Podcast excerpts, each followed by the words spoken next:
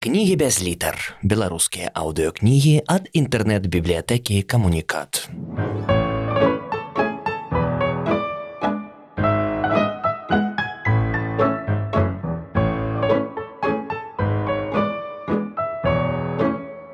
Олесь Пашкевич. Рух. Раздел шостый. Рудольф Дызель не быў рамантыкам.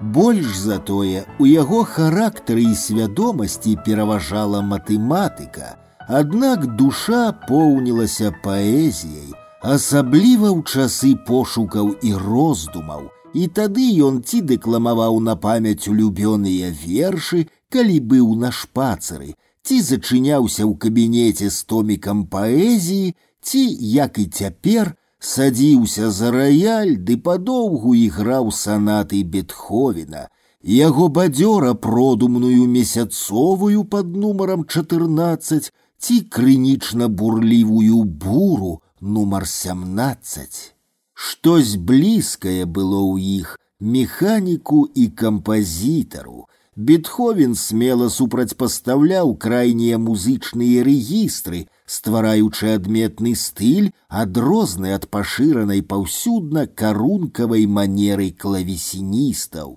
Спалучаць у адным цыліндры сілу агню і механікі вымагаўся і Рудольф Дызель, хацеў пераўтварыць у рэальную цяглавую сімфонію ідэальную сілу тэрмадынамікі, Кніга Карно развагі пра рухаючую сілу агню і пра машыны, прыгодныя для развіцця гэтай сілы, напісаная і апублікаваная сто гадоў назад, была яго настольнай і чыталася з не меншай асалодай і душэўным уздымам, чым томікі вершаў байрана ці сучасніка маларме. Карно першым пачаў крытыку паравога рухавіка, і загаварыў аб прымяненні сціснутага паветра для цеплавога рухавіка, а таксама аб метадзе прамога ўпырсквання паліва ў напампаваны цыліндр. Крытыкаваць і гаварыць, безумоўна, можна, але вось як усё тое ажыццявіць у метале і ў рэчаіснасці, а не на паперы і ў думках. Па ўсім свеце, на заводах, цягніках, караблях, працуюць паравыя машыны, каэфіцыент карыснага дзеяння якіх 5соткаў, а ў механічную работу пераходзіць толькі 4соткі ад усёй патрачанай энергіі, бо працэнт яшчэ траціцца на трэнне механізмаў, амаль усё вылятае ў трубу.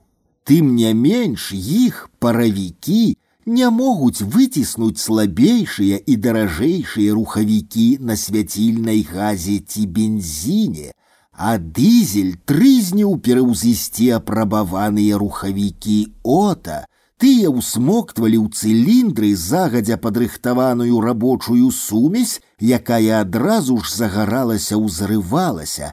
Ён жа праектаваў іншыя цыклы, поршань усмоктвае ў цыліндр паветра, а не рабочую сумесь, сціскае яго, затым упырскваецца паліва і самаўзгараецца.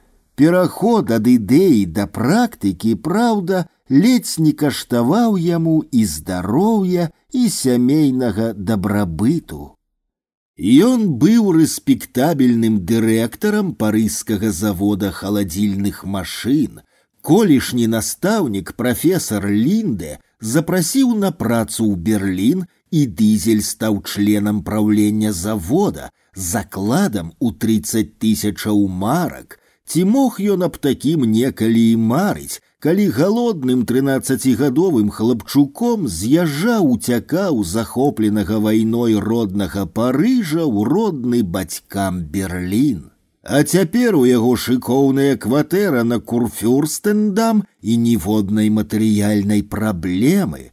Аднак дызель вытрымаў так толькі тры гады і пакінуў працу і зноў не меў супакаення, трызнячы пра сваю лабараторыю і вопыты з ідэальным рухавіком. Да таго часу ён, ужо аўтар выдадзенай у Берліне кнігі Тэорыя і канструкцыя рацыянальнага цеплавога рухавіка, прызванага замяніць паравую машыну і іншыя існуючыя ў гэты час рухавікі, а таксама патэнта пад нумарам 67207 на свой рухавік.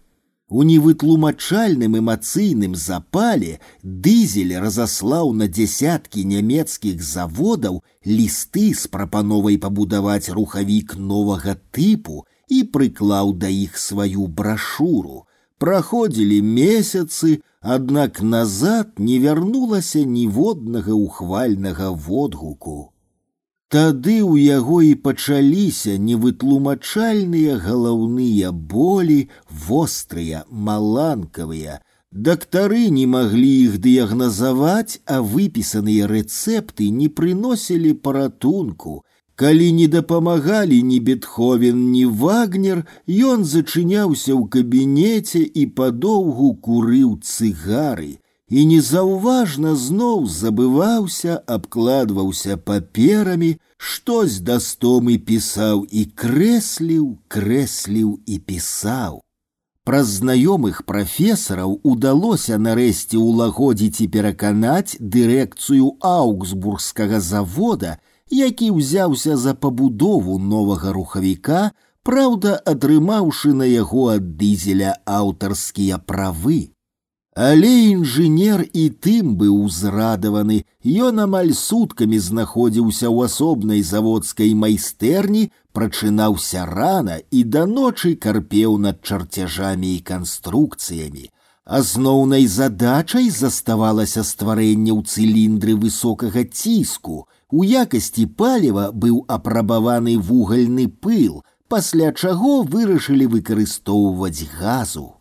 І вось у ліпені 1893 года пасля хрысцінаў дачкі дызеля Луізы адбыўся запуск першага рухавіка. Аднак на 80 атмасферах не вытрымаў індыкатар. Нейкі болт прашипеў над вухам канструктара і куляй уеўся ў сценку. Рухавік не завёўся, ідэал не супаў з практыкай, дызель быў амаль у адчаі. Вось яшчэ б трошкі ніжэй і мог бы вам прабіць галаву. Механік выдрапаў болт і падкінуў яго на далоні. Дызель уважліва агледзеў разарваную напалам жалезку і згадаў пра свайго парыскага знаёмага Мацкевіча з ягонымі заклёпкамі.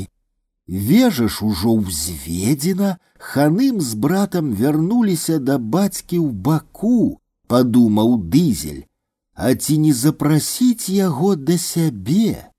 Так Адам Мацкевіч патрапіў у Аўгсбург, пасля чаго машынабудаўнічы канцэрн браты Карэлі набыў патэнт на рухавік і стварыў французскае таварыства дызель. І ў гэты час, калі яго старшыня сядзеў за раялем і разбудзіўшы всю кватэру даігрываў буру бетховена, Адам рыхтаваўся да запуску трэцяга ўзору рухавіка дызеля, як любоўна паспеў яго назваць. Неўзабаве ў майстэрню, ухапіўшы замест ранішняй кавы цыгару, прыйшоў і галоўны канструктор – Выгляд рухавіка наноў узбудзіў яго, вычышчаны з кулачковым валам ужо зверху, з вялікім колам махавіком з паветранай помпай для ўпырсквання паліва. Яе помпу угаварыў усталяваць Адам, які цяпер у замасленым камбінезоне засяроджана праводзіў апошнюю праверку патрубкаў вадзянога ахалоджвання – і на бадзёрае прывітанне толькі неяк грозна хітнуў галавой. Што ж з Богам прашаптаў дызель.